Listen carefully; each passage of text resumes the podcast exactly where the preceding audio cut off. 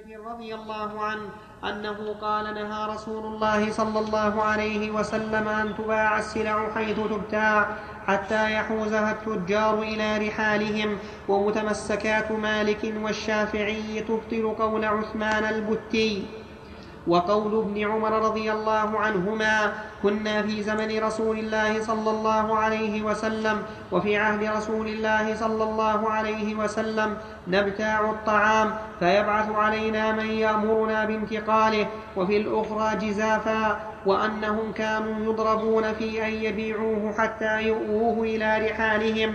دليل لمن سوى بين الجزاف في المكيل من الطعام من من المكيل من في المكيل. دليل. دليل لمن سوى بين الجزاف في المكيل من الطعام في المنع من بيع ذلك حتى يقبض.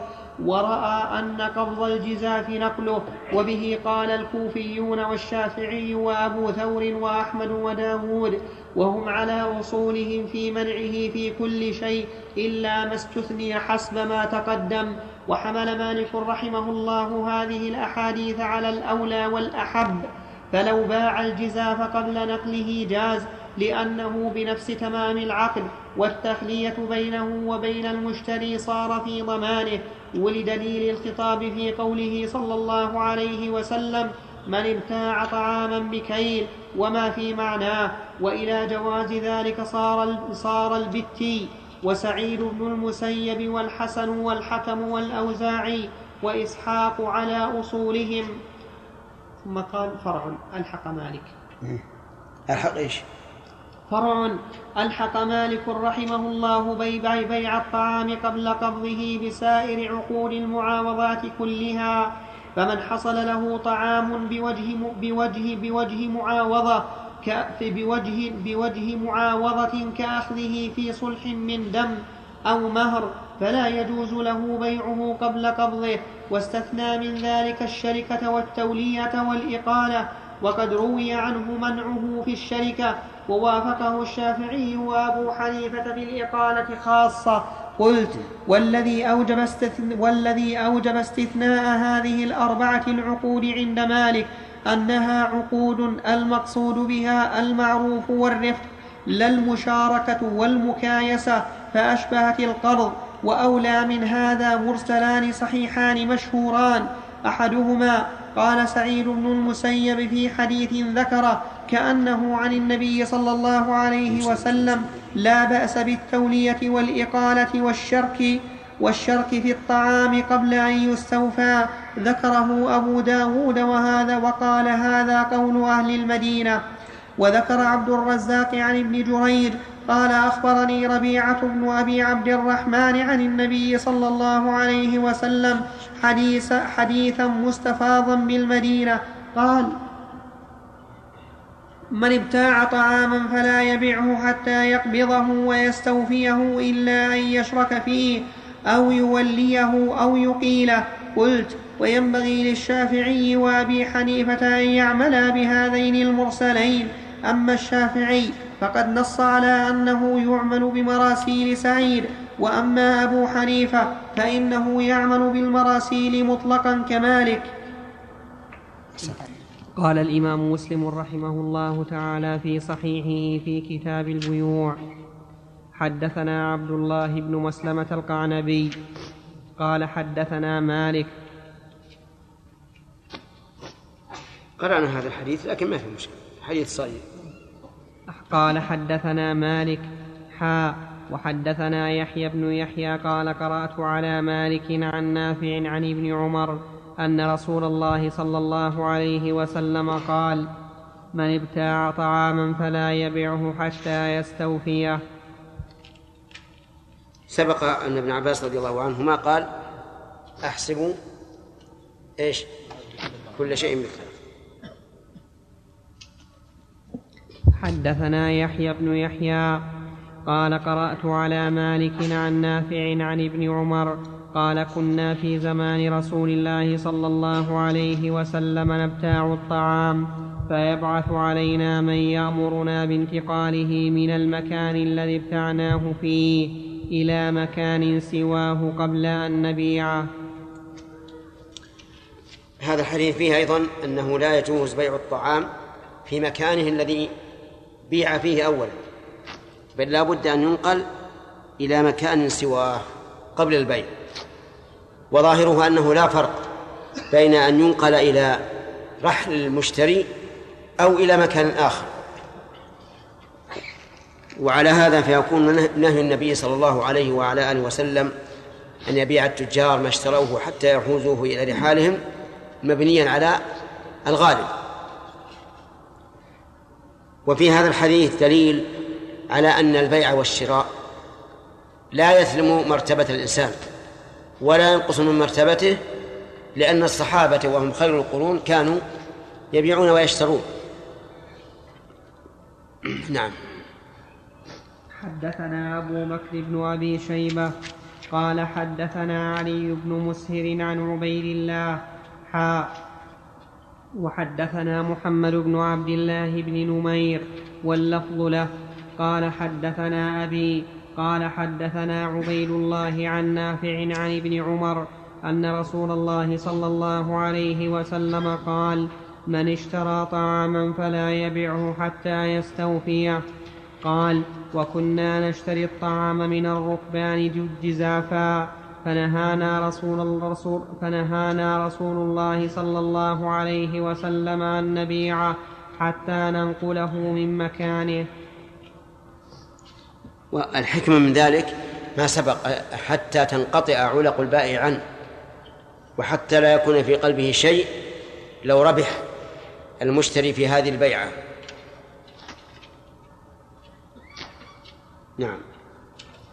حدثني حرملة بن يحيى قال أخبرنا عبد الله بن وهب قال حدثني عمر بن محمد عن نافع عن عبد الله بن عمر أن رسول الله صلى الله عليه وسلم قال من اشترى طعاما فلا يبعه حتى يستوفيه ويقبضه.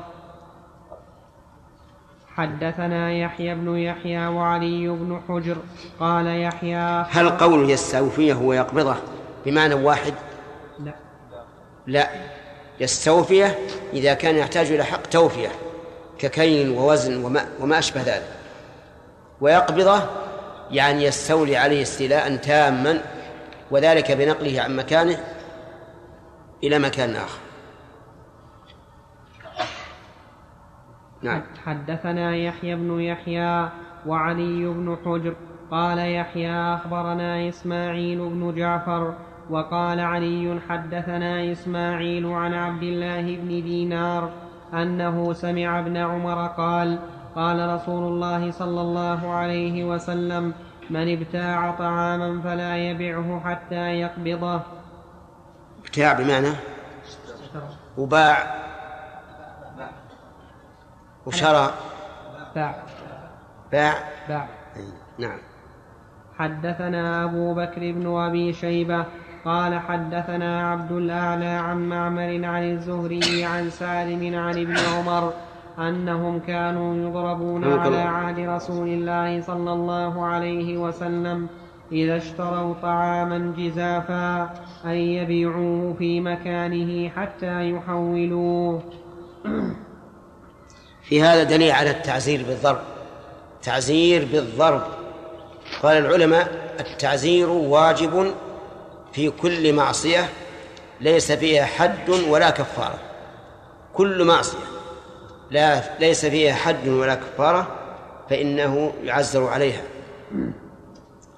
إن كانت ترك واجب عزر عليها مرة بعد أخرى حتى يقوم بالواجب. كما لو كان يترك صلاة الجماعة مثلا. بلا عذر فإنه يعزر حتى يقوم بصلاة الجماعة. وإذا كان لفعل محرم عزر مرة واحدة فإن عاد عزر مرة ثانية. ثم التعزير يكون بالضرب كما هنا. وكما في قوله صلى الله عليه وعلى آله وسلم مروا أبناءكم بالصلاة لسبع واضربوهم عليها لعشر. ويكون أيضا بالتوبيخ أمام أمام الناس. ورب توبيخ أمام الناس كان أشد من الضرب. ويكون أيضا بغرام بتغريم المال. و ومن ذلك أن النبي صلى الله عليه وسلم غرم من كتم الضالة بقيمتها مرتين. هذا من من التعزير. ويكون أيضا بال بالإقامة أو بالطرد من مكان المجلس. كما فعل مالك رحمه الله في الذي سأل عن قوله تعالى الرحمن على العرش استوى كيف استوى. المهم أن التعزير هو التأديب. فأي شيء يحصل به التأديب فليكن إلا أن يكون محرما. إن كان محرما فإنه لا يجوز. أن يعزر أن يعزر الإنسان بمحرم. كما لو فرض أن رجلا أراد أن يعزر شخصا بأن يحمله على شرب الخمر هذا لا يجوز. لأنه كيف نؤدب عن شيء بشيء مثله أو أشد؟ لكن إذا كان من الأمور المباحة بسبب التعزير فإنه لا بأس أن يعزر بحسب ما تقتضيه الحال وهذا يختلف باختلاف الناس. من الناس من إذا أقمته أمام جمع من الناس ووبخته كان هذا أشد عليه من مئة ضربة بالعصا ومن الناس من إذا غرمته درهما واحدا صار أشد عليه من مئة ضربة بالعصا فالناس يختلفون. كل يعزر بإيش؟ بما يردعه بحسب الحال. ثم هل التعزير واجب أو موكول إلى الإمام؟ الصحيح أنه واجب إلا إذا رأى الإمام أن ترك التعزير أصلح وأنفع فليترك وإلا فالأصل فيه الوجوب لردع الناس لكن قد يكون أحيانا ترك التعزير أصلح لفاعل الذنب يكون رجلا طيب القلب كريم النفس إذا مننا عليه بإعفائه وإبرائه من التعزير صار ذلك أشد إقبالا منه على فعل الطاعات وترك المحرمات. نعم. وحدثني حرملة بن يحيى قال حدثنا ابن وهب قال أخبرني يونس عن ابن شهاب قال أخبرني سالم بن عبد الله أن أباه قال قد رأيت الناس على عهد رسول الله صلى الله عليه وسلم قد رأيت الناس في عهد رسول الله صلى الله عليه وسلم إذا ابتاعوا الطعام جزافا يضربون في أن يبيعوه في مكانهم وذلك حتى يؤووه إلى رحالهم. قال ابن شهاب وحدثني عبيد الله بن عبد الله بن عمر أن أباه كان يشتري الطعام جزافا فيحمله إلى أهله. حدثنا أبو بكر بن أبي شيبة وابن نمير وأبو كريب قالوا حدثنا زيد بن حباب عن الضحاك بن عثمان عن بكير بن عبد الله بن الأشج عن سليمان بن يسار عن أبي هريرة أن رسول الله صلى الله عليه وسلم نعم. أن رسول الله صلى الله عليه وسلم قال من اشترى طعاما فلا يبعه حتى يكتاله. وفي رواية أبي بكر من ابتاع طعاما. هذا فيما إذا بيع بكيل فإنه لا بد أن يكيله أولا حتى يستوفيه تاما ثم يبيعه. ولا يحل له أن يبيعه قبل أن يكتاله لأنه ربما يكون فيه زيادة أو نقص ويحصل فيها في هذا غبن. أما إذا كانت جزافا يعني بدون المكايلة فله أن أن يشتري جزافا وأن يبيع جزافا. نعم.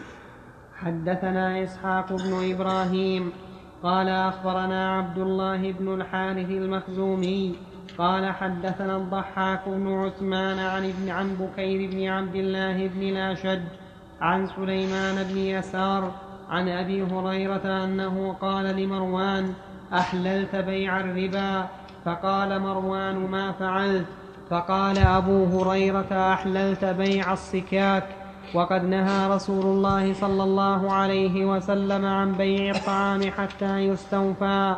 قال فخطب مروان الناس فنهى عن بيعها.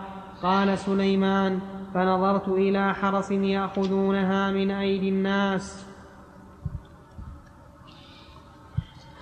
في هذا دليل على أن على أنه يجب على أهل العلم مناصحة ولاة الأمور.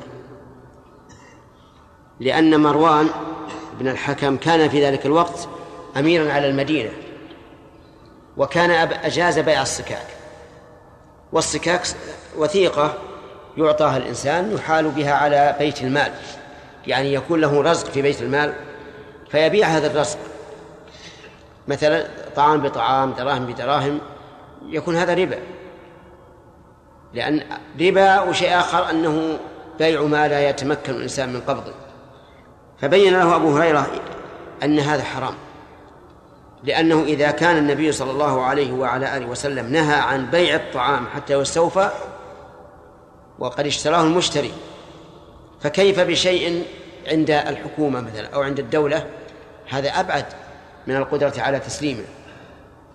ولكن الأمراء في ذلك الوقت إذا أمروا بالمعروف أو نهوا عن المنكر امتثلوا.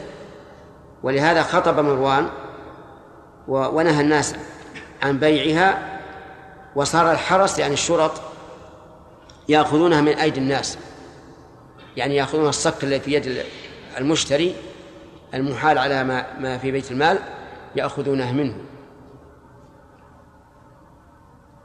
نعم. حدثنا إسحاق بن إبراهيم قال أخبرنا روح قال حدثنا ابن جريج قال حدثني أبو الزبير أنه سمع جابر بن عبد الله يقول كان رسول الله صلى الله عليه وسلم يقول إذا ابتعت طعاما فلا تبعه حتى تستوفيه.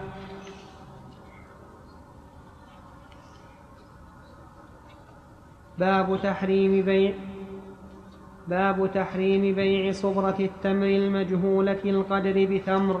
حدثني أبو الطاهر أحمد بن عمرو بن سرح قال أخبرنا ابن وهب قال حدثني ابن جريج أن أبا الزبير أخبره قال سمعت جابر بن عبد الله يقول نهى رسول الله صلى الله عليه وسلم عن بيع الصبرة من التمر لا يعلم لا يعلم مكيلتها بالكيل المسمى من التمر.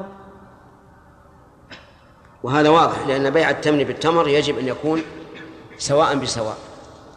فإذا كان الصبرة من التمر أي كومة من التمر سواء كانت مكومة على الأرض أو مكومة بزنبيل أو شبه ذلك وقال بعت عليك هذه الصبرة بعشرة أصواع من التمر فهذا لا يجوز. لماذا؟ لأن الصبرة مجهولة لا يعلم مكيلها والكيل المعلوم معلوم. وبيع التمر المجهول بالمعلوم حرام من الربا. فلا بد أن يكون التمر بالتمر سواء بسواء بالكي وهذا من باب إيش؟ ربا الفضل أو النسيئة؟ هذا من باب ربا الفضل. لأن الربا نوعان نسيئة وفضل. فما كان ربا بالتأخير فهو ربا نسيئة وما كان ربا بالزيادة فهو ربا فضل. نعم. ويجتمعان؟ نعم. نعم يجتمعان. كما لو باع مثقالا من الذهب بمثقال ونصف مؤجلا. فهذا فيه ربا النسيئة وربا الفضل. نعم. حدثنا إسحاق بن إبراهيم. قال حدثنا روح روح بن عبادة. قال حدثنا ابن جريج. قال أخبرني أبو الزبير أنه سمع جابر بن عبد الله يقول نهى رسول الله صلى الله عليه وسلم بمثله غير أنه لم يذكر من التمر في آخر الحديث. نعم. باب ثبوت خيار المجلس للمتبايعين. حدثنا يحيى بن يحيى قال قرأت على مالك عن نافع عن ابن عمر أن رسول الله صلى الله عليه وسلم قال البيعان كل واحد منهما بالخيار على صاحبه ما لم يتفرقا إلا بيع الخيار. هذا يسمى عند العلماء خيار المجلس أي مجلس المتبايعين وإثبات خيار المجلس لا شك أنه من الحكمة. لأن الإنسان قبل أن يتملك الشيء يكون الشيء غاليا في قلبه يريد أن أن يحصل عليه. فإذا حصل عليه خف ميزانه عنده. فلهذا جعل الشارع للإنسان الخيار ما دام في المجلس ليزداد ترويا في تملك هذا المبيع. أليس كذلك يا فراس؟ ماذا قلت؟ جعل الشارع لهذا الرجل خيار المجلس ليزداد ليزداد ترويا. في إمضاء البيع وفسخه لأن الإنسان كما قلت لكم أحب شيء إلى الإنسان ما منع. ما دام الشيء خارج عن ملكه تجد نفسه متعلقة به. فإذا حصل عليه هان أمره عنده فلذلك جعل النبي صلى الله عليه وسلم للمتبايعين الخيار. إلى متى؟ قال ما لم يتفرقا. ما لم يتفرقا. وهنا هل المراد بالتفرق تفرق الأبدان أو تفرق الأقوال؟ قال نعم الأول قطعا. وقال بعض العلماء المراد تفرق الأقوال. يعني والمعنى على هذا القول إذا تم الإيجاب والقبول فقد تفرقا في القول. وعلى هذا القول يكون البيع لازما بمجرد الإيجاب والقبول ولا يكون في خيار مجلس ولكن هذا القول ضعيف لأنه قبل القبول لم يكن لم يكن بيع أصلا. والرسول صلى الله عليه وسلم يقول البيعان ولا يمكن أن يكون بيعين إلا إذا تم الإيجاب والقبول. وعلى هذا فيتعين أن يكون المراد بالتفرق تفرق الأبدان. ولكن كيف يكون تفرق الأبدان؟ قد يكون الطرفان في في برية وهما رفيقان في, في, في السفر. هذان لن يفترقا إلا بعد مدة طويلة. فبماذا يكون؟ نقول الأمر الحمد لله واسع. إذا قدر أنهما سيبقيان طويلا إما في طائرة وإما في سفينة وإما في برية وما أشبه ذلك فهنا يأتي قوله يأتي قوله صلى الله عليه وسلم إلا بيع الخيار. ومعنى إلا بيع الخيار وقوله إلا بيع الخيار له معنيان. المعنى الأول إلا بيع الخيار الممدود إلى أجل بعد التفرق. أو إلا بيع الخيار أي بيع قطع الخيار. بمعنى يعلنوه بمعنى أن يتبايع على أن لا خيار. فهمتم؟ مثال الأول تبايع شيئا فقال لنا الخيار لمدة ثلاثة أيام. وتفرق هل ينقطع الخيار بالتفرق؟ لماذا؟ لأن البيع بيع خيار أي بيع اشترط فيه خيار مؤجل. الثانية تبايع شيئا وقال في العقد على أن لا خيار لواحد منا. فتم الإيجاب والقبول. يكون في خيار مجلس لا. إذن فقوله إلا بيع خيار يشمل ما امتد ما مدة ما مدت مدة خياره وما قطع خياره نهائيا. نعم.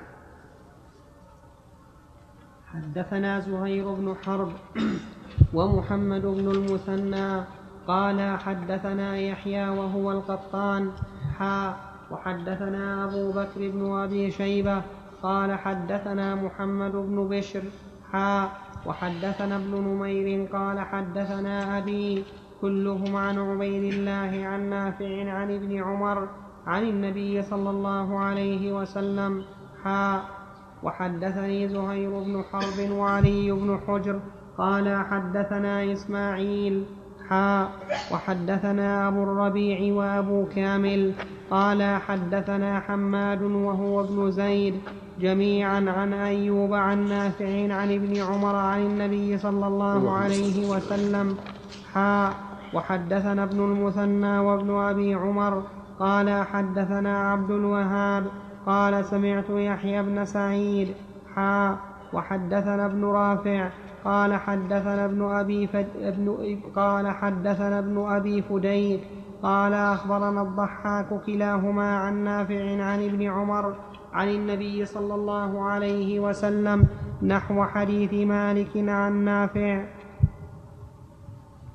حدثنا قتيبة بن سعيد. حدثنا قتيبة بن سعيد قال حدثنا ليث. حا وحدثنا محمد بن رمح قال أخبرنا الليث عن نافع عن ابن عمر عن رسول الله صلى الله عليه وسلم أنه قال إذا تبايع الرجلان فكل واحد منهما بالخيار ما لم يتفرقا وكانا جميعا. أو يخير أحدهما الآخر فإن خير أحدهما الآخر فتبايع على ذلك فقد وجب البيع. وإن تفرقا بعد أن تبايعا ولم يترك واحد منهما البيع فقد وجب البيع. نعم. هذا قريب من الأول. قال إذا تبايع الرجلان وذكر الرجلين هنا بناء على الأغلب وإلا فالمرأتان كالرجلين. فكل واحد منهما أي بائع المشتري بالخيار ما لم يتفرقا بإيش؟ بأبدانهما. وكانا جميعا هذا كالتوكيد لقوله ما لم يتفرقا. يعني أنهما بقيا جميعا أو يخير أحدهما الآخر. معطوف على قوله ما لم يتفرقا أي أي أو ما لم يخير أحدهما الآخر. ثم ذكر محترز هذا الشرط فقال فإن خير أحدهما الآخر فتبايع على ذلك فقد وجب البيع. إن خير أحدهما الآخر. قال العلماء معناه قال له اختر. فإذا قال لصاحبه اختر فهو يعني أنه أسقط خياره وأثبت الخيار لصاحبه.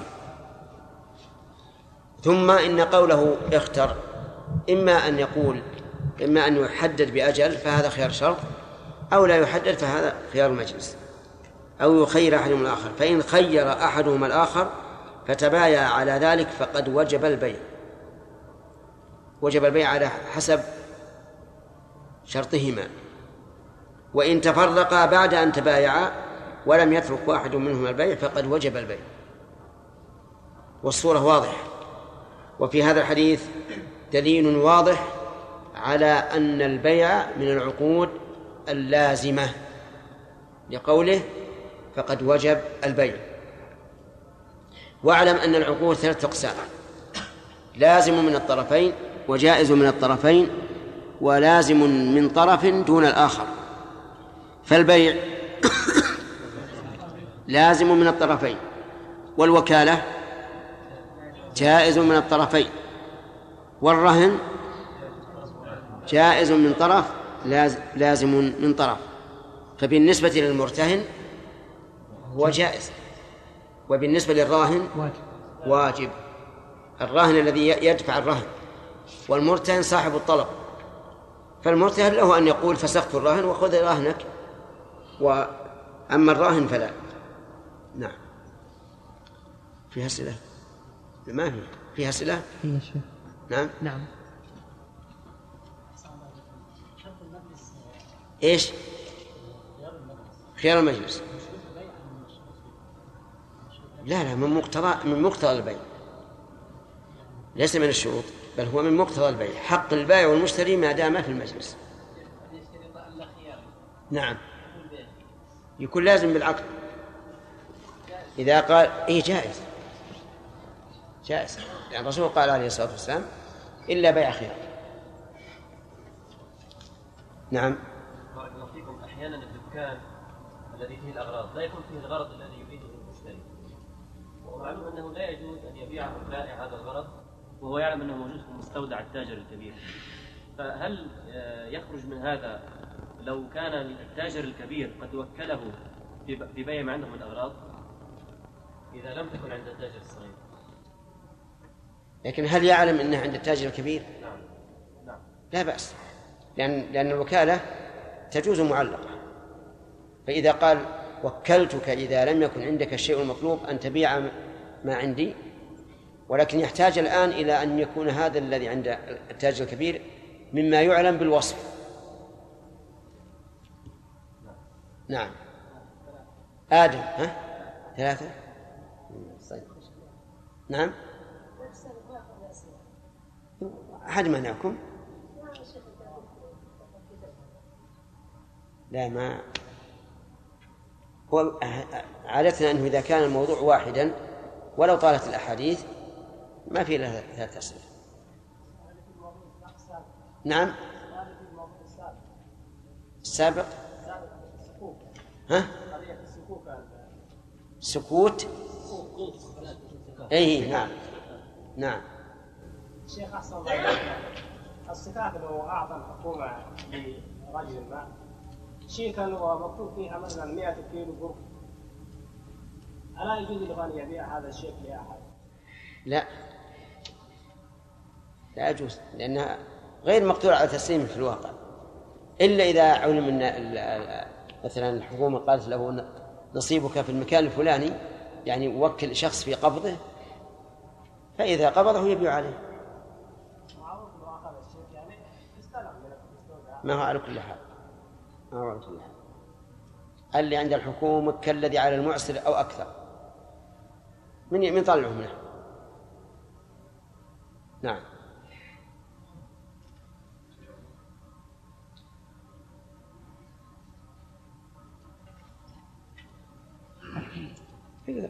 خلاص. لكن يا شيخ أخذنا أربعة أسئلة الآن. إيراد الاخ آدم آدم وارد لا سيما في بعض المناطق الفقيرة. نعم. التي يعني يتولى توزيع الأطعمة فيها والأغذية الجمعيات الخيرية الإنسانية. نعم. ضروري يا شيخ أحيانا لا هو يبيعها الحين. إيه يبيعوا يبيعوا حتى يحصل شيء قريب. لا ما يجوز. لأنه قد يقدر على هذا وقد لا يقدر. وحدثني زهير بن حرب وابن أبي عمر كلاهما عن سفيان. قال زهير حدثنا سفيان بن عيينة عن ابن جرير. قال أملى علي نافع أنه سمع عبد الله بن عمر يقول قال رسول الله صلى الله عليه وسلم إذا تبايع المتبايعان بالبيع فكل واحد منهما بالخيار من بيعه ما لم يتفرقا أو يكون بيعهما عن خيار فإن كان بيعهما عن خيار فقد وجب. زاد ابن أبي عمر في روايته قال نافع فكان إذا بايع رجلا فأراد أن لا يقيله قام فمشى هنيه ثم رجع إليه. نعم هذا ابن عمر رضي الله عنه إذا باع عليه أحد شيئا وكان قد أعجبه وخاف أن يرجع يعني له الخيار قام ومشى ثم رجع. ولا شك أن هذا اجتهاد منه رضي الله عنه. ولكن هذا الاجتهاد مدفوع بقول النبي صلى الله عليه وسلم في الحديث الذي رواه أهل السنن ولا يحل له أن يفارقه خشية أن يستقيله. لا يحل له أن يفارقه خشية أن يستقيله. وهذا نص صريح. وعمومات الأدلة تقتضي هكذا. لأن حق البائع أو المشتري في هذا الخيار ثابت والتحيل على إسقاطه بأن يخطو خطوات لا يجوز لأن التحيل على إسقاط الحقوق الواجبة محرم. فيقال هذا من ابن عمر رضي الله عنهما على سبيل الاجتهاد ولكنه يعارضه النص. الحديث الصريح. ونحن نعلم أن ابن عمر لو علم بهذا الحديث ما فعل لكمال ورعه رضي الله عنه واحتياطه لدينه. نعم. حدثنا يحيى بن يحيى ويحيى بن أيوب وقتيبة وابن حجر قال يحيى بن يحيى أخبرنا وقال الآخرون حدثنا إسماعيل بن جعفر عن عبد الله بن دينار أنه سمع ابن عمر يقول قال رسول الله صلى الله عليه وسلم كل بيعي كل بيع كل بيعين لا يبع بينهما. لا بيع. نعم. كل بيعين لا بيع بينهما حتى يتفرقا إلا بيع الخيار. باب الصدق في البيع. قوله في الحديث بهذا اللفظ يعني لا بيع بينهما واجب. حتى يتفرق وإنما اضطررنا إلى هذا من أجل أن يوافق بقية الألفاظ الكثيرة الدالة على هذا المعنى.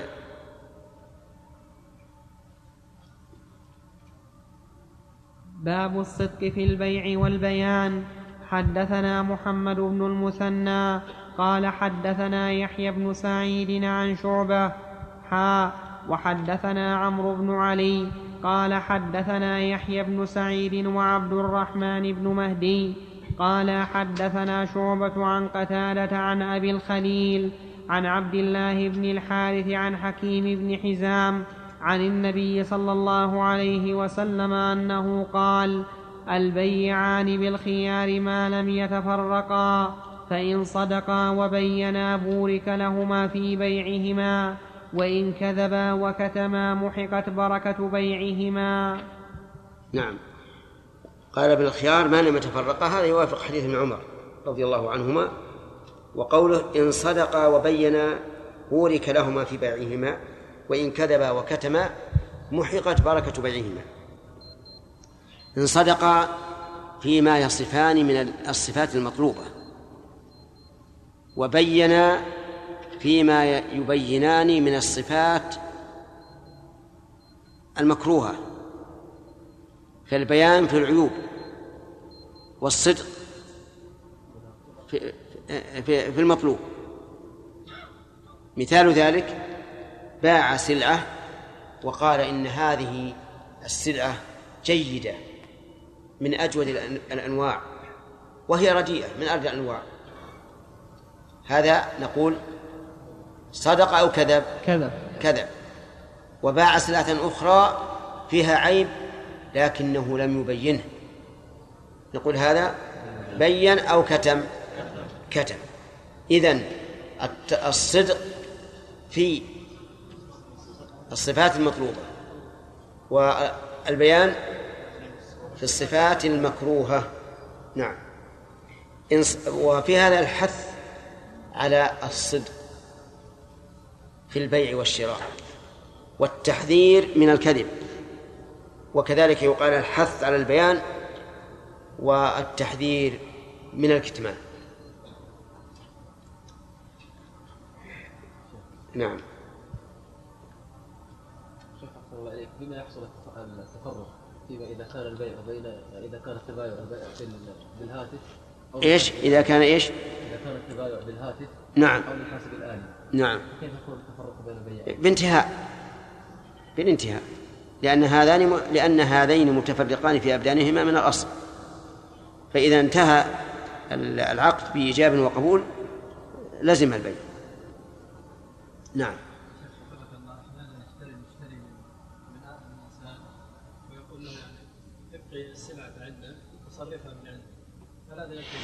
اي ما يجوز. هذا لا يجوز لأنه باعها في محله.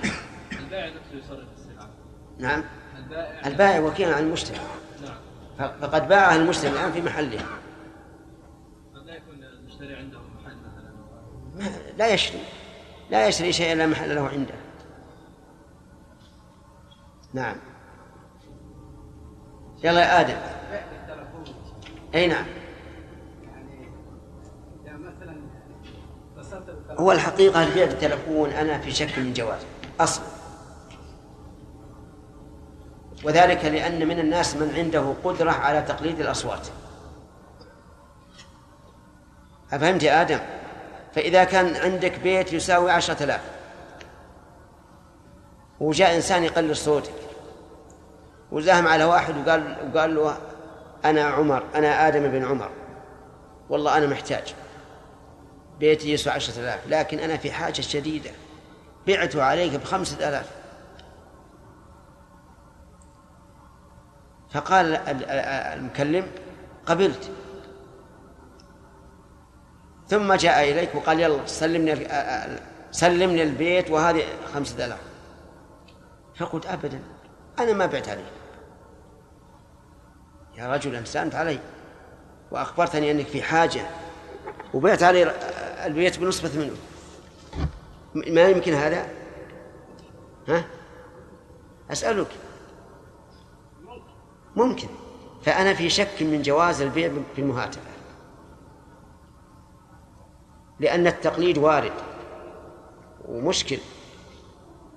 وكذلك الشهادة في في مكالمة الهاتف هذه ما تجوز.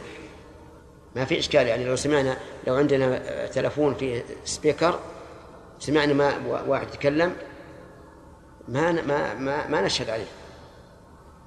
لماذا؟ لأن تقليد الأصوات وارد. في بعض الناس سبحان الله يقلد الصوت كأنه هو صاحب. ما سمعتم بهذا؟ أي نعم. ها؟ موجود. في أجهزة نعم. في أجهزة نعم أجهزة. أجهزة إيش؟ أجهزة إذا أراد المتحدث. أن يحول صوته من صوت رجل إلى صوت مرأة تحول. وإذا أراد أن يحوله من صوت فتاة إلى صوت عجوز تحول. هذه مشكلة. كل شيء. هذه مشكلة. على كل حال مثل هذه خصوصا في الأمور الخطرة ينبغي أن يقال لا يمكن أن يكون بيع بالهاتف. لكن التجار لا بد أن يكون عندهم أرقام سرية. ولا أنا أسمع أنهم يتبايعون الآن السلعة الكبيرة عن طريق الهاتف. لكن لا بد أن يكون هناك يعني أرقام سرية ما يمكن أحد يتلاعب فيها. حدثنا نعم. عمرو بن علي.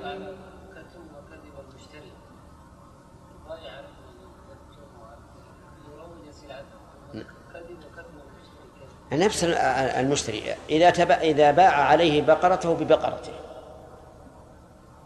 يمكن ولا ما يمكن؟ أي نعم. حدثنا عمرو بن علي قال حدثنا عبد الرحمن بن مهدي قال حدثنا همام عن أبي التياح قال سمعت عبد الله بن الحارث يحدث عن حكيم بن حزام عن النبي صلى الله عليه وسلم بمثله قال مسلم بن الحجاج ولد حكيم بن حزام في جوف الكعبة وعاش مائة وعشرين سنة. الله كونه عاش مائة وعشرين سنة مو مو غريب. لكن كونه ولد في في جوف الكعبة هذا غريب. ما عندكم تعليق عليه في الشرح؟ أنا عندي حاشي يقول إنها دخلت هي أمه ومعها نسوة من قريش دخلنا الكعبة فأخذها الطلق وهي في جوف الكعبة ثم ولدت حكيما. وهذا يعني يخفف الغرابة. أي نعم. أصحابه أجمعين. أما بعد فقد قال الإمام مسلم رحمه الله تعالى في صحيحه في كتاب في كتاب البيوع باب من يخدع في البيع. حدثنا يحيى بن يحيى ويحيى بن أيوب وقتيبة قال يحيى بن يحيى أخبرنا وقال الآخرون حدثنا إسماعيل بن جعفر عن عبد الله بن دينار أنه سمع ابن عمر يقول ذكر رجل لرسول الله صلى الله عليه وسلم أنه يخدع في البيوع فقال رسول الله صلى الله عليه وسلم من بايعت فقل لا خلابة فكان إذا بايع يقول لا خيابة بسم الله الرحمن الرحيم. باب من يخدع في البيوع يعني في بيع أو شراء. يشمل هذا وهذا. فهل له خيار الخداع أو ليس له ذلك؟ أما إذا اشترط أنه لا خداع فإن السنة قد دلت على أنه إذا تبين أنه خدع فله الخيار. ويدل لهذا هذا الحديث الذي ساقه الإمام مسلم رحمه الله أن رجلا ذكر للنبي صلى الله عليه وسلم أنه يخدع في البيوع فقال له من بايعت فقل لا خلابه وهذا لا أشكال فيه لأنه داخل في عموم قوله تعالى يا أيها الذين آمنوا أوفوا بالعقود. والأمر بالوفاء بالعقود يشمل الوفاء بأصلها ووصفها. ووصفها هو الشروط التي تشترط. ولحديث المسلمون على شروطهم إلا شرطا حل حراما أو حرم حلالا. وأما إذا لم يكن شرط فخدع. فهل له الخيار؟ ذكر بعض العلماء أن له الخيار مطلقا. لأن البائع الذي خدعه أو المشتري لم يك لا لم يكن كامل الإيمان لقول النبي صلى الله عليه وسلم لا يؤمن أحدكم حتى يحب لأخيه ما يحب لنفسه. وهذا لم يحب لأخيه ما يحب لنفسه لأنه خدعه. وقال بعض العلماء إنه يكون الخيار في الغبن في أمور معينة. منها ما سبق في تلقي الركبان. فإن النبي صلى الله عليه وسلم قال إذا أتى سيده السوق فهو بالخيار. ومن المعلوم أنه لم يثبت له الخيار إلا خوفا من أن يكون خدع لأنه تلقي قبل أن يحضر إلى السوق. والصواب أن له الخيار مطلقا. لكن إن كان قد اشترط فإن له الخيار قلت الخديعة أو كثرت. لأنه قال لا خلابة أو لا خديعة ولا نافل للجنس تشمل القليل والكثير. أما إذا لم يشترط ذلك فإن له الخيار إذا كان الغبن فاحشا. مثل أن يكون الربع أو النصف أو ما أشبه ذلك. أما إذا كان يسيرا فلا خيار له. هذا هو القول الراجح الذي تدل عليه قواعد الشريعة وهو إذن الراجح لوراء اسمك جميل أول إيه أنت وش اسمك؟ عبد الله؟ يلا عبد الله ما هو القول الراجح؟ الراجح أنه خيار مطلقا إذا كان الغبن يسيرا يسير الخيار كيف؟ إذا كان الغبن يسيرا فله الخيار مطلقا؟ ها؟ لم يشترط إذا لم يشترط نعم. وكان الغبن يسيرا. فله الخيار؟ أما إذا كان الغبن كبيرا له الخيار مطلقا. ما فهمنا. قال الراجح أنه الخيار مطلقا. آه، خطأ. إبراهيم؟ قول الراجح في خيار الغبن أنه له الخيار. فإن كان قد اشترط فالخيار يشمل قليل الغبن وكثيرا. وإن كان لم يشترط فالخيار يثبت في الكثير الغبن الفاحش. طيب. إذا الصحيح أن له الخيار. إن اشترط فله الخيار سواء كان الغبن قليلا أو كثيرا. وإن لم يشترط فله الخيار إذا كان الغبن كثيرا سواء كان البائع أو المشتري. فربما يأتي صبي أو أشباه الصبي مما لا يعرف الأسعار فيقف على صاحب الدكان ويقول بكم هذا؟ قال بعشرة وهو لا يساوي إلا خمسة. هذا خديعة لا إشكال فيها. فإذا تبين فللمشتري الخيار. وقد يكون بالعكس يكون البائع غريرا لا يعرف الأثمان. فيأتيه رجل فيشتري منه ما يساوي عشرة بخمسة. هذا غبن. فله الخيار. أما مع الشرط فإن له الخيار مطلقا حتى لو كان واحد في العشرة نعم. حدثنا أبو بكر بن أبي شيبة قال حدثنا وكيع قال حدثنا سفيان حاء وحدثنا محمد بن المثنى قال حدثنا محمد بن جعفر قال حدثنا شعبة كلاهما عن عبد الله بن دينار بهذا الإسناد مثله وليس في حديثهما فكان إذا بايع يقول لا خيابة كأنه ألثغ بدل من يقول خلابة يقول خيابة إيه. باب النهي عن بيع الثمار قبل بدو صلاحها بغير شرط القطع. حدثنا يحيى بن يحيى قال قرأت على مالك عن نافع عن ابن عمر أن رسول الله صلى الله عليه وسلم نهى عن بيع الثمر حتى يبدو صلاحها نهى البائع والمبتاع. حدثنا ابن نمير قال حدثنا أبي قال حدثنا عبيد الله عن نافع عن ابن عمر عن النبي صلى الله عليه وسلم بمثله. نعم. هذا الحديث فيه النهي عن بيع الثمار قبل بدو صلاحها لما يعتريها بعد ذلك من الفساد الذي يؤدي إلى النزاع. وقوله نهى البائع والمبتاع وجهه أنه ربما يكون البائع متسرعا يريد الثمن يرحمك الله. فيتعجل في بيعها قبل قبل أن أن يبدو الصلاح. وربما يكون العكس يكون المشتري يريد التعجل من أجل أن يستولي على الثمرة ويملكها. فنهى الرسول عليه الصلاة والسلام هذا وهذا. مثال ذلك رجل عنده نخلة وأراد أن يبيع ثمرتها وهي لم يبدو صلاحها. فإن ذلك لا يجوز سواء كان حب التعجل من البائع أو من المشتري. طيب. وبدو الصلاح في ثمر النخل أن يحمر أو يصفر كما سيأتي إن شاء الله مبينا في الأحاديث.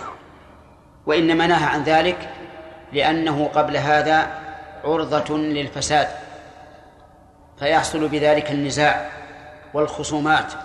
التي تؤدي إلى العداوة والبغضاء والشرع يسد كل طريق يوصل إلى ذلك. طيب فإن فعل إن فعل وباعها فالبيع غير صحيح والثمرة لا زالت على ملك البائع والثمن يجب رده إلى المشتري. وقوله قوله في الحاشية أو في الترجمة آه، ب ب نعم بدون شرط القطع يفهم منه أنه لو باعها بشرط القطع فإنه لا بأس بذلك لأن العلة منتفية إذ أن المشتري سيقطعها الآن ولا يحصل في ذلك خلاف ولا نزاع وهو كذلك. طيب فإن باعها تبعا للأصل فالبيع صحيح, صحيح وإن لم يبدو الصلاح لقول النبي صلى الله عليه وسلم من باع نخلا قبل أن تؤبر فثمرتها للبائع إلا أن يشترط المبتاع. طيب فإن باعها على مالك الأصل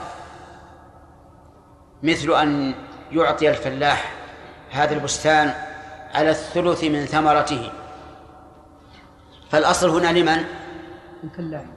لا ولا للمشتري ما عند المشتري يا أخوان. للمالك. رجل عنده بستان وقال للعامل المزارع أو الفلاح خذ هذا النخل بثلث الثمرة فأخذه. ثم إن العامل أراد أن يبيع نصيبه من الثمرة قبل بدو الصلاح. فهل يجوز أو لا يجوز؟ من العلماء من جوزه وقال إذا كان يجوز بيع النخل بثمرة فهذا مثله لأنه باعه على من؟ على مالك الأصل. وهذا المعروف من المذهب والصحيح أنه لا يجوز. لعموم الأدلة في النهي عن بيع الثمر قبل بدو صلاحه. ولا يرد علينا إذا باع الشجرة لأنه إذا باع الشجرة دخلت الثمرة تبعا. ويثبت تبعا ما لا يثبت استغلالا.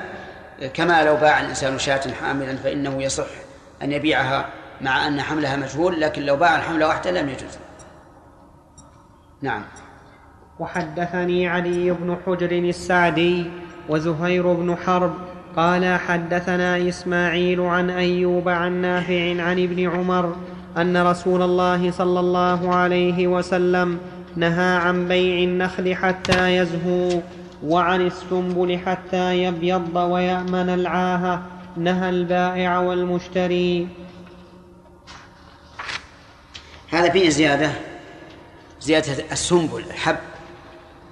يقول إنه نهاه حتى يبيض ولا يبيض إلا وقد زال الخطر عنه لأنه قبل أن يبيض يكون ماء فإذا اشتد صار أبيض بمعنى أنك لو كسرت الحبة وجدت داخلها أبيض فحينئذ يجوز بيعه لأنه قد أمن العاهة.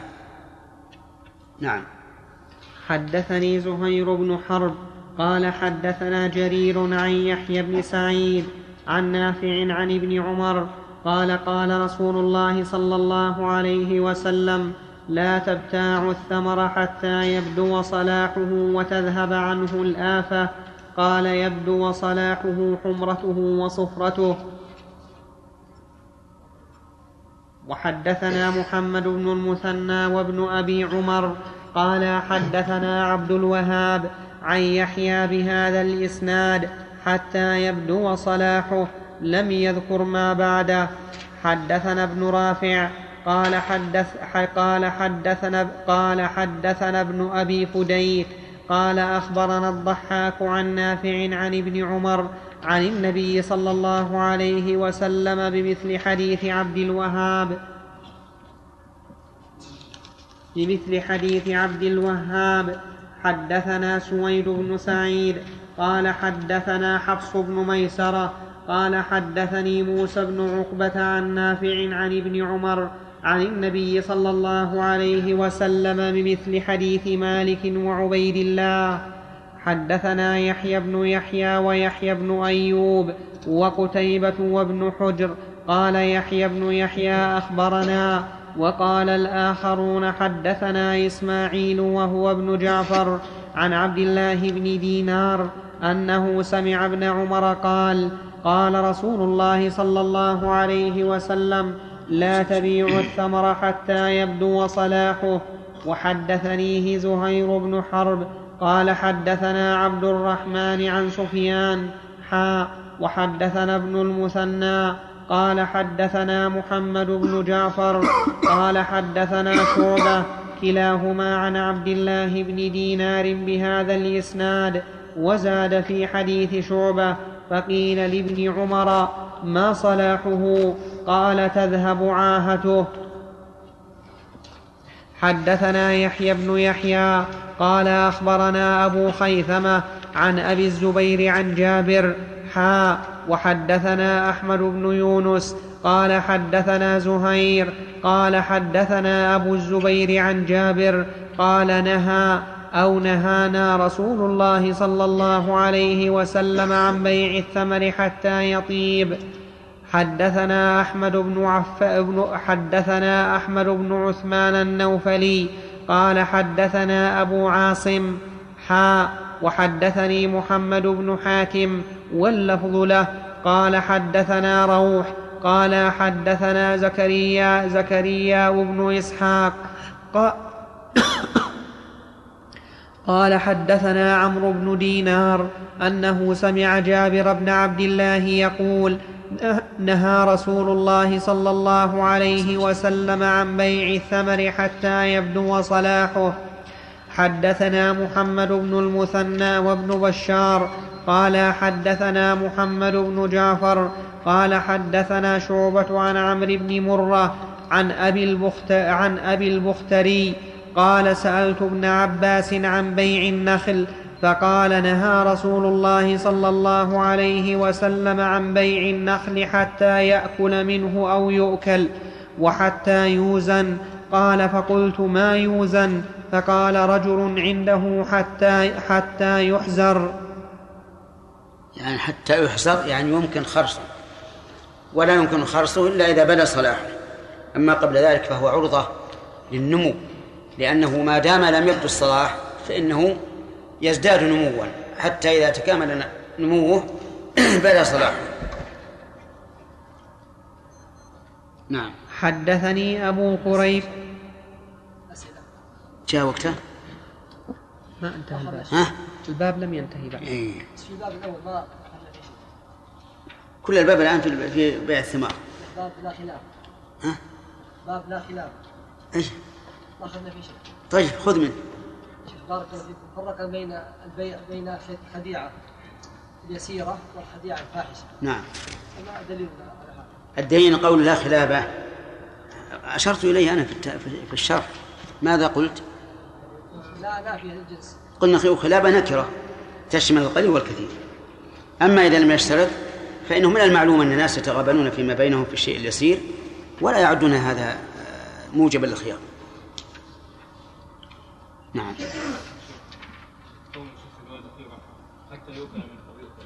يعني نعم. كيف؟ هل هو بمعنى بلوغ الصلاح؟ إيه معلوم لأنه ما لا يؤكل إلا إذا صلح. قد يبدو الصلاح ولكن لا يؤكل. يكون في الصلاح لا لا هذا نادر. نادر. ولا هو يؤكل من من حين يبدو صلاحه. ولذلك إذا فسر بأنه احمر أو أصفر حتى لو كان إذا أكل بسرا فيه مثل صعوبة أو مرارة يدخل في هذا. بناء على الأغلب. نعم. هل لو قطع لو لو أراد قطعه من أجل أن يطعمه بهائمة فهل له أن يقطعه أو لا قبل بدو الصلاة؟ هو ذكرنا هذا يا فؤاد. إذا إذا كان بشرط القطع فص- فصحيح. نعم. حدثني أبو كريب محمد بن العلاء قال حدثنا محمد بن فضيل عن أبيه عن ابن أبي نعم عن أبي هريرة قال قال رسول الله صلى الله عليه وسلم لا تبتاعوا الثمار حتى يبدو صلاحها. حدثنا يحيى بن يحيى قال أخبرنا سفيان بن عيينة عن الزهري حا وحدثنا ابن نمير وزهير بن حرب واللفظ لهما. قال حدثنا سفيان قال حدثنا الزهري عن سالم عن ابن عمر أن النبي صلى الله عليه وسلم نهى عن بيع الثمر حتى يبدو صلاحه وعن بيع الثمر بالتمر. الثمر الرطب والتمر الجاف لأنه إذا باعه ولو بالمكايلة لا بد أن ينقص الرطب. كما سئل النبي صلى الله عليه وسلم عن بيع الرطب بالتمر فقال أينقص إذا جف قالوا نعم قال لا قال لا. قال ابن عمر وحدثنا زيد بن ثابت أن رسول الله صلى الله عليه وسلم رخص في بيع العرايا زاد ابن نمير في روايته أن تباع. العرايا جمع عرية وسميت بذلك لأنها عارية عن النقد. وصورة العرايا أن يكون عند فقير تمر من العام الماضي وتأتي الثمار بالرطب ويريد أن يتفكه بالرطب كما يتفكه الناس وليس عنده نقد. فيذهب إلى صاحب البستان ويقول اشتريت منك هذه النخلة بهذا التمر؟ فهنا اشترى رطبا بتمر لكنه للحاجة ليس عنده ليس عنده مال.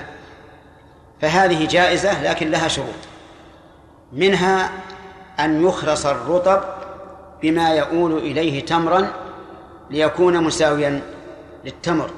فمثلا إذا كان المشتري الذي هو الفقير عنده صاع من التمر فإنه يقدر الرطب هذا يقدر كائنا صاعا عند كونه تمرا. واضح؟ هذه العرايا. رخص فيها للحاجة. رخص فيها للحاجة. فإن قال قائل أليس المعروف أنه لا يباح المحرم إلا للضرورة؟ فالجواب بلى. لكن هذا حرم تحريم الوسائل. لأنه مستثنى من ربا الفضل. وربا الفضل تحريمه تحريم وسائل. ولهذا قال ابن عباس رضي الله عنهما إنما الربا في النسيئة. يعني لا في الفضل. لكن ابن عباس رضع رجع عن ذلك حينما حدثه أبو سعيد الخدري رضي الله عنه. فالحاصل أنه أن نقول إنما حرم هذا تحريم إيش؟ الوسائل دون الغايات. وما حرم تحريم الوسائل أباحته الحاجة. مع أنها مع أن هذه هذه الإباحة مقيدة بشروط. يعني ليست إباحة مطلقة مقيدة بشروط. فخف فيها بيع الرطب بالتمر. نعم. وحدثني أبو الطاهر وحرملة واللفظ لحرملة. قال أخبرنا ابن وهب قال أخبرني يونس عن ابن شهاب قال حدثني سعيد بن المسيب وأبو سلمة بن عبد الرحمن أن أبا هريرة قال قال رسول الله صلى الله عليه وسلم لا تبتاعوا الثمر حتى يبدو صلاحه ولا تبتاعوا الثمر بالتمر. قال ابن شهاب وحدثني سالم بن عبد الله بن عمر عن أبيه عن النبي صلى الله عليه وسلم مثله سواء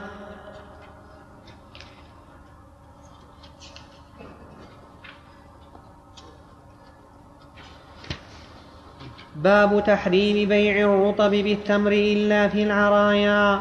وحدثني محمد بن رافع قال حدثنا حجين بن المثنى قال حدثنا الليث عن عقيل عن ابن شهاب عن سعيد بن المسيب أن رسول الله صلى الله عليه وسلم نهى عن بيع المزابنة والمحاقلة والمزابنة أن يباع ثمر النخل بالتمر والمحاقلة أن يباع الزرع بالقمح واستكراء الأرض بالقمح قال وأخبرني سالم بن عبد الله عن رسول الله صلى الله عليه وسلم أنه قال لا تبتاع الثمر حتى يبدو صلاحه ولا تبتاع الثمر بالتمر.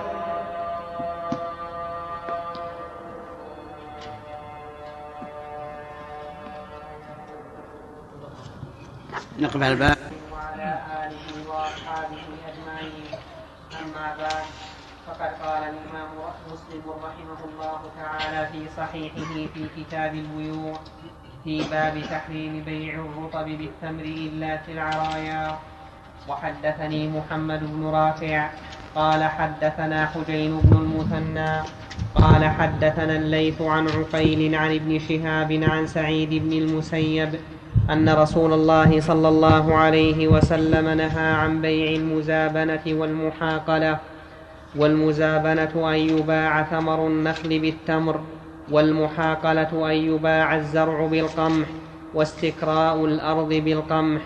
قال وأخبرني سالم بن عبد الله عن رسول الله صلى الله عليه وسلم أنه قال لا تبتاع الثمر حتى يبدو صلاحه ولا تبتاع الثمر بالتمر. وقال سالم أخبرني عبد الله عن زيد بن ثابت عن رسول الله صلى الله عليه وسلم أنه رخص بعد ذلك في بيع العرية بالرطب أو أو بالتمر ولم يرخص في غير ذلك. بسم الله الرحمن الرحيم. هذه بيوع نهى عنها الرسول عليه الصلاة والسلام المزابنة والمحاقله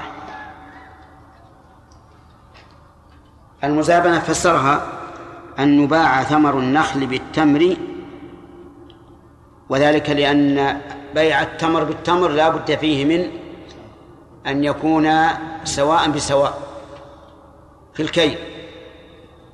ومعلوم أن بيع ثمر النخل بالتمر لا يمكن فيه التساوي. الثاني يقول والمحاقلة أن يبيع الزرع بالقمح. لماذا؟ لأنه يشترط في بيع البر بالبر. أن يكونا متساويين. وإذا باعه بالزرع فالتساوي متعذر فلا يحل. ف... وكذلك أيضا واستكراء الأرض بالقمح. استكراء الأرض بالقمح أي بجزء معين مما يخرج منها غير مشاع. مثل أن يقول آجرتك هذه الأرض بمئة صاع مما يخرج منها. فهذا لا يجوز. وذلك لأنه ربما لا ربما لا تخرج إلا هذا القدر. وربما لا يفسد الزرع كله. وربما يحصل منها شيء كثير. فلذلك لا يجوز أن تؤجر الأرض بجزء بشيء مما يخرج منها معين. فأما إذا استأجرتها بقمح من غيرها فلا بأس به لأنه لا ضرر في ذلك. مثل أن تقول آجرتك هذه الأرض تزرعها بمئة صاع من هذه الصبرة أي من هذه الكومة فلا بأس. لأن هذه الأجرة خارجة عما تنتج الأرض. طيب فإن آجر الأرض بالدراهم. فجائز. ولو باع الزرع بالدراهم بعد اشتداده فجائز. ولو باع ثمر النخل بعد بلوغ صلاحه بالدراهم فجائز. يقول قال وأخبرني سالم بن عبد الله عن رسول الله صلى الله عليه وعلى آله وسلم أنه قال لا تبتاع الثمر حتى يبدو صلاحه. ومتى يبدو؟ إذا أحمر أو أصفر. إذا أحمر أو أصفر. ولا تبتاع الثمر بالتمر. والعلة في ذلك؟ الجهال الجانب الجانب بالتساوي قال سالم أخبرني عبد الله عن زيد بن ثابت عن رسول الله صلى الله عليه وسلم أنه رخص بعد ذلك في بيع العرية بالرطب أو بالتمر ولم يرخص في غير ذلك. العرية سبق تعريفه أن يشتري الإنسان ثمر النخل على رؤوس النخل بتمر. فهذا جائز بشرط أن لا يكون عند المشتري نقد أو ثمن آخر غير التمر. فإن كان عنده نقد أو ثمن آخر فإنه لا يجوز. وشرط آخر أن يخلص الثمر الثمر الذي على النخل بمثل ما يؤول إليه تمرا. والشرط الثالث أن تكون في خمسة أيام أوسق فأقل فلو كان هناك فقير عنده قمح وعنده تمر فأراد أن يشتري عرية أي ثمر نخل بالتمر أيجوز أم لا؟ لماذا؟ لأن عنده قمحا. يمكن أن يجعله ثمنا. وإذا كان عنده قمح يمكن أن يجعله ثمنا لم يكن محتاجا إلى شراء الثمر بالتمر. قال أهل العلم وهل تشترط الضرورة أو لا؟ والجواب لا تشترط الضرورة لأنه لا ضرورة لهذا الذي اشترى الرطب بالتمر.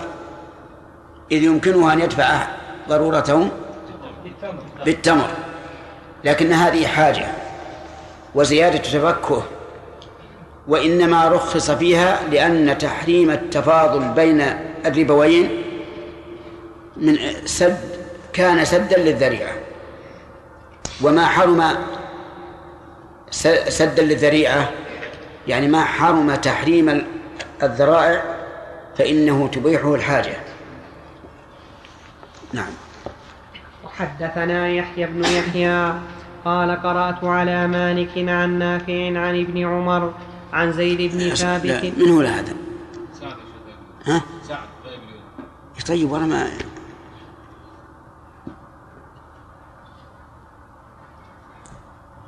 لازم تسد الفرجة. نعم. حدثنا يحيى بن يحيى قال قرأت على مالك عن نافع عن ابن عمر عن زيد بن ثابت أن رسول الله صلى الله عليه وسلم رخص لصاحب العرية أن يبيعها بخرصها من التمر. وحدثنا يحيى بن يحيى قال أخبرنا سليمان بن بلال عن يحيى بن سعيد قال أخبرني نافع أنه سمع عبد الله بن عمر يحدث أن زيد بن ثابت حدثه أن رسول الله صلى الله عليه وسلم رخص في العرية يأخذها أهل البيت تمرا يأكلونها رطبا. هذا أيضا من الشروط. أن يكون المشتري يأكل يأكل الثمر رطبا. فإن أخره حتى أتمر بطل البيع. لأنه إنما رخص له من أجل أن يتفكه مع الناس بالثمر فإذا أخر ذلك بطل البيع ولهذا اشترط قال يأكلونها أي العرية رطبا. شرط رابع نعم. شرط رابع يعني؟ إيه، ويبي يجي أيضا. هذا من الشروط. وحدثناه محمد بن المثنى قال حدثنا عبد الوهاب عبد الوهاب قال سمعت يحيى بن سعيد يقول أخبرني نافع بهذا الإسناد مثله وحدثناه يحيى بن يحيى قال أخبرنا هشيم عن يحيى بن سعيد بهذا الإسناد غير أنه قال والعرية النخلة تجعل للقوم فيبيعونها بخرصها تمرا. وحدثنا محمد بن, بن رمح بن المهاجر قال حدثنا الليث عن يحيى بن سعيد عن نافع عن عبد الله بن عمر قال حدثني زيد بن ثابت أن رسول الله صلى الله عليه وسلم رخص في بيع العرية بخرصها تمرا. قال يحيى العرية أن يشتري الرجل ثمر النخلات لطعام أهله رطبا بخرصها تمرا. وحدثنا ابن نمير قال حدثنا أبي قال حدثنا عبيد الله قال حدثني نافع عن ابن عمر عن زيد بن ثابت أن رسول الله صلى الله عليه وسلم رخص في العرايا أن تباع بخرصها كيلا. وحدثناه ابن المثنى قال حدثنا يحيى بن سعيد عن عبيد الله بهذا الإسناد وقال أن تؤخذ بخرصها. وحدثنا أبو الربيع وأبو كامل قال حدثنا حماد حا وحدثنيه علي بن حجر قال حدثنا إسماعيل كلاهما عن أيوب عن نافع بهذا الإسناد أن رسول الله صلى الله عليه وسلم رخص في بيع العرايا بخرصها وحدثنا عبد الله بن مسلمة القعنبي قال حدثنا سليمان يعني ابن بلال عن يحيى وهو ابن سعيد عن بشير بن يسار عن بعض أصحاب رسول الله صلى الله عليه وسلم من أهل دارهم منهم سهل بن أبي حثمة أن رسول الله صلى الله عليه وسلم نهى عن بيع الثمر بالتمر وقال ذلك الربا. تلك المزابنة إلا أنه رخص في بيع العرية. النخلة والنخلتين يأخذها أهل البيت بخرصها تمرا يأكلونها رطبا. وحدثنا قتيبة بن سعيد قال حدثنا ليث حا وحدثنا ابن رمح قال أخبرنا الليث عن يحيى بن سعيد عن بشير بن يسار عن أصحاب رسول الله صلى الله عليه وسلم أنهم قالوا رخص رسول الله صلى الله عليه وسلم في بيع العرية بخرصها تمرا وحدثنا محمد بن المثنى وإسحاق بن إبراهيم وابن أبي عمر جميعا عن الثقفي قال سمعت يحيى بن سعيد يقول أخبرني بشير بن يسار عن بعض أصحاب رسول الله صلى الله عليه وسلم من أهل داره أن رسول الله صلى الله عليه وسلم نهى فذكر بمثل حديث سليمان بن بلال عن يحيى غير أن إسحاق وابن المثنى جعلا مكان الربا الزبن وقال الزبن. الزبن. وقال ابن أبي عمر الربا. وحدثناه عمرو الناقل وابن نمير. قال حدثنا سفيان بن عيينة عن يحيى بن سعيد عن بشير بن يسار عن سهل بن أبي حثمة عن النبي صلى الله عليه وسلم نحو حديثهم. حدثنا أبو بكر بن أبي شيبة وحسن الحلواني. قال حدثنا أبو أسامة عن الوليد بن كثير. قال حدثني بشير بن يسار مولى بني حارثة أن رافع بن خديج وسهل بن أبي حثمة حدثا أن رسول الله صلى الله عليه وسلم نهى عن المزابنة الثمر بالتمر إلا أصحاب الثمر الثمر بالتمر. الثمر بالتمر إلا أصحاب العرايا فإنه قد أذن لهم. حدثنا عبد الله بن مسلمة بن قعنب قال حدثنا مالك حا وحدثنا يحيى بن يحيى واللفظ له قال قلت لمالك حدثك داود بن الحصين عن أبي سفيان مولى بن أبي أحمد عن أبي هريرة أن رسول الله صلى الله عليه وسلم رخص في بيع العرايا بخرصها فيما دون خمسة أوسق أو في خمسة يشك داود قال خمسة أو دون خمسة؟ قال نعم. يقول من؟ مالك. يعني نعم- نعم حدثني بهذا. خذ هذا شرط وهو أن تكون فيما دون خمسة أوسق أو في خمسة أوسق حسب الشك.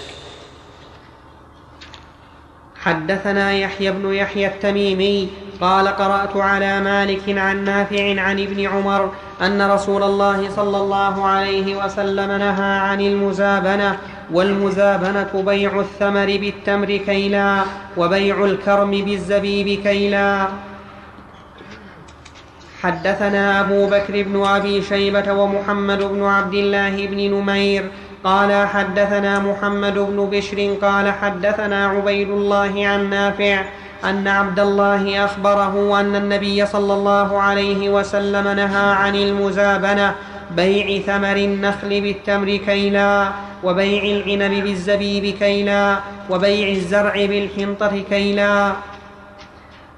وحدثناه أبو بكر بن أبي شيبة قال حدثنا ابن أبي زائدة عن عبيد الله بهذا الإسناد مثله حدثني حدثني يحيى بن معين وهارون بن عبد الله وحسين بن عيسى قالوا حدثنا أبو أسامة قال حدثنا عبيد الله عن نافع عن ابن عمر قال نهى رسول الله صلى الله عليه وسلم عن المزابنة والمزابنة بيع ثمر النخل بالتمر كيلا وبيع الزبيب بالعنب كيلا وعن كل ثمر بخرصه حدثني علي بن حجر السعدي وزهير بن حرب قال حدثنا إسماعيل وهو ابن إبراهيم عن أيوب عن نافع عن ابن عمر أن رسول الله صلى الله عليه وسلم نهى عن المزابنة والمزابنة أن يباع ما في رؤوس النخل بتمر بكيل مسمى إن زاد فلي وإن نقص فعلي. وحدثناه أبو الربيع وأبو كامل قال حدثنا حماد قال حدثنا أيوب بهذا الإسناد نحوه. حدثنا قتيبة بن سعيد قال حدثنا ليث حا وحدثني محمد بن رمح قال أخبرنا الليث عن نافع عن عبد الله قال نهى رسول الله صلى الله عليه وسلم عن المزابنة أن يبيع ثمر حائطه إن كانت نخلا بتمر كيلا. وإن كان كرما أن يبيعه بزبيب, بزبيب كيلا وإن كان زرعا أن يبيعه بكيل طعام نهى عن ذلك كله. وفي رواية قتيبة أو كان زرعا. وحدثنيه أبو الطاهر قال أخبرنا ابن وهب قال حدثني يونس. حا وحدثناه ابن رافع قال حدثنا ابن أبي فديك قال أخبرني الضحاك. حا وحدثنيه سويد بن سعيد قال حدثنا حفص بن ميسرة قال حدثني موسى بن عقبة كلهم عن نافع بهذا الإسناد نحو حديثهم. انتهت الأحاديث على العرية فتبين الآن أنها أي العرية بيع الثمر على رؤوس النخل بتمر ولها شروط. الشرط الأول أن يكون المشتري ليس عنده نقد. وإن شئت فقل ليس عنده ما يشتري به سوى التمر حتى يشمل النقد وغير النقد. والشرط الثاني أن تكون في خمسة أوسق فأقل. والشرط الثالث أن تكون بخرصها تمرا. والشرط الرابع أن يأكلونها رطبا. في شرط خامس نعم. وهو أن يحتاج ذكرناه. ذكرناها أيضا. التقابض ويكون في النخل بالتخلية وفي التمر بالكي فهذه الشروط. بقي أن يقال هل الزرع مثل ذلك؟ فالجواب لا ليس مثله. لأن الزرع لا يحتاج, لا يحتاج الإنسان إلى أن يأكله وهو في سنبله. هل الزبيب والكرم يعني العنب مثله يقال إذا كان الناس يتفكهون في العنب ويكون قوتا لهم فلا فرق. وأما إذا لم يكن كذلك فإنه لا يلحق. وذلك لأن الأصل في المزابنة التحريم فلا يخصص من ذلك إلا ما جاءت به السنة أو صح أن يقاس على ما جاءت به السنة. نعم. أنه اشترى الرطب على رؤوس النخل ثم أخذ منه كفا أو كفين ثم انشغل بمرض أو بسفر حتى اتمر نعم. هل يبطل البيع؟ تتفرق الصفقة ما قبضه صح فيه البيع وما لم يقبضه بطل فيه البيع. لو باع الرطب في ليس في رؤوس النخل. أي نعم. هذا لا لا يجوز.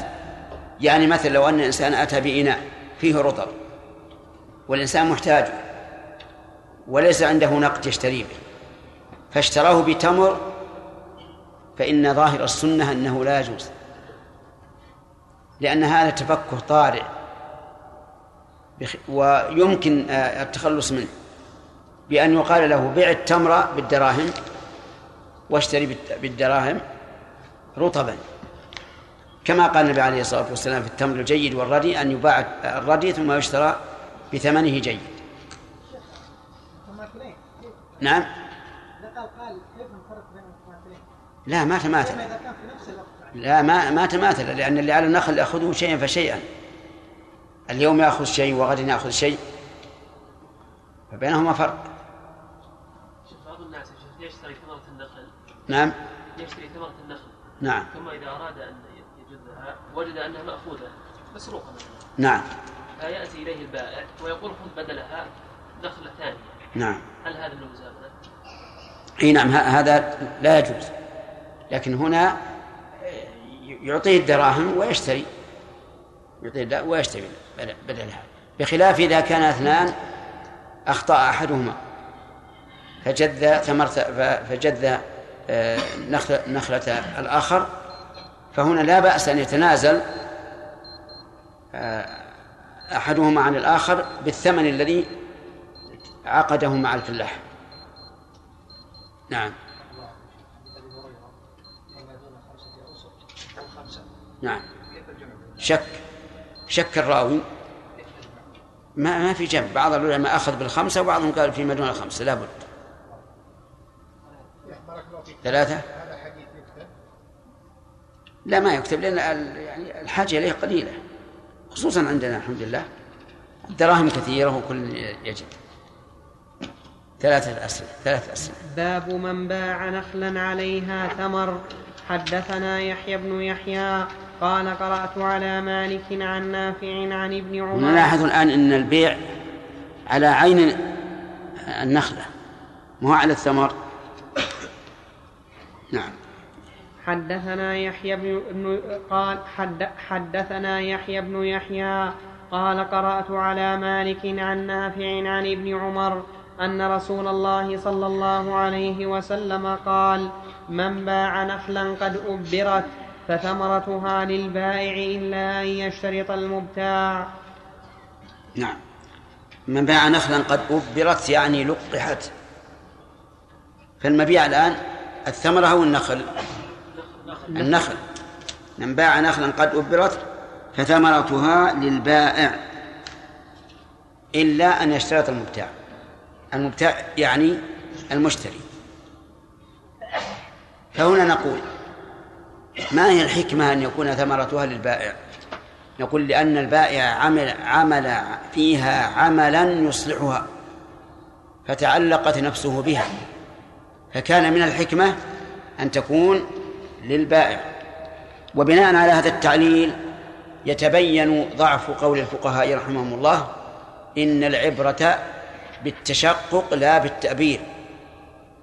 فنقول إن هذا تعليق للحكم بما لم يعلقه به الشارع.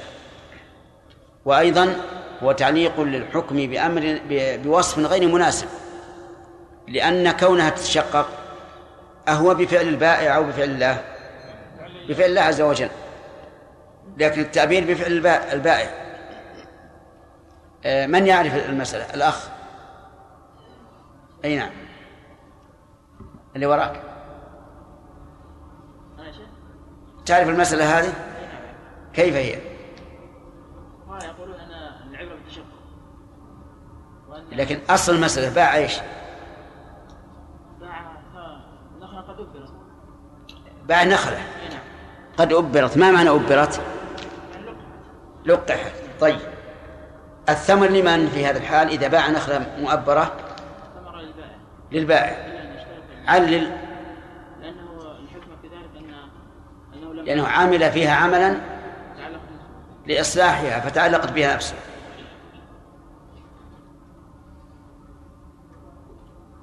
تكتبها الآن؟ طيب. وفيه رأي آخر قول الفقهاء أن العبرة بالتشبه إن العبرة بالتشقق. هل يصح هذا أو لا يصح؟ لا يصح. لا يصح. لأن ذلك يستلزم إلغاء وصف علق الشارع الحكم به. ما هو الوصف الذي علق به؟ التعبير و- ولأن الفرق بينهما واضح.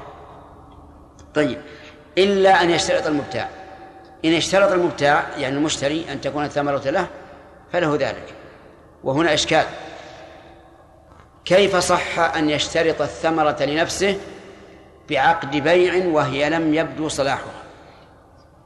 تبع النخلة. يقول العلماء لأن هذا تبع. لأن هذا تبع.